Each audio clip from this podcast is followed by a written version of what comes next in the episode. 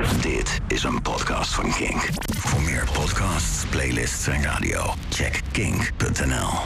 Kink. Kink op de week. Laten we het even hebben over Suriname. Een land dat veel lijkt op een van de bovenste ledematen van Duitse Kroes. Het is erg mooi en arm.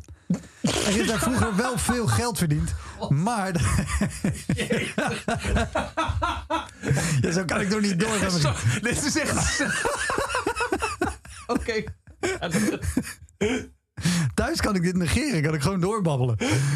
Kijk, er is vroeger in Suriname natuurlijk wel heel veel geld verdiend. Maar dat hebben wij verpatst naar schilderijen en grachtenpanden in bijvoorbeeld de Amsterdamse binnenstad.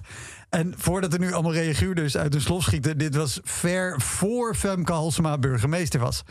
En dat geld in Suriname, dat verdienden wij natuurlijk niet zelf. Nee joh, daar hadden we mensen voor. Letterlijk, die waren van ons. Zij deden al het zware werk en wij kregen al het geld. Dat is een arbeidsverhouding waar Jeff Bezos van Amazon alleen maar van kan dromen. En dat doet hij ook. Vaak. En nat. Maar tot zover dit mini-college over de zoveel geprezen VOC-mentaliteit. Dat moest even, want daar hoor je op school niet zoveel over. Wij vergeten graag dat onze Gouden Eeuw voor vele anderen een gitzwarte bladzijde is. We praten er niet over en de Nederlandse staat biedt er al zeker geen excuses voor aan. Mark Rutte zou ik niet weten waarom, want hij heeft er geen actieve herinnering aan. En waarschijnlijk is de overheid doodsbang dat ze een vorm van schadevergoeding moeten betalen. Maar ja, dat geld hebben we al als coronabonus aan Siewert van Linden en de bestuurders van Booking.com gegeven. Al snap ik die mannen van Booking wel. Hè. Die zagen al dat geld en eronder in gekleurde letters... dit bedrag wordt momenteel door veel andere mensen bekeken. Dan moet je toeslaan, dat snap ik. Maar gisteren werd bekend dat Nederland nog 100.000 AstraZeneca-vaccins over heeft... die we aan Suriname zouden kunnen schenken, maar dat we dat niet doen.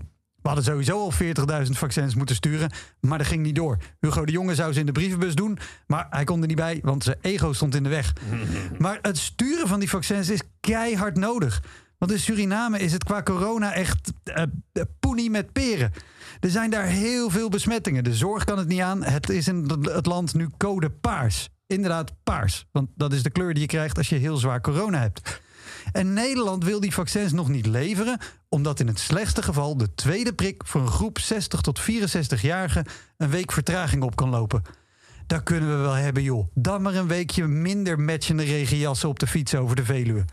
In Suriname kost elke week vertraging met vaccineren gewoon mensenlevens.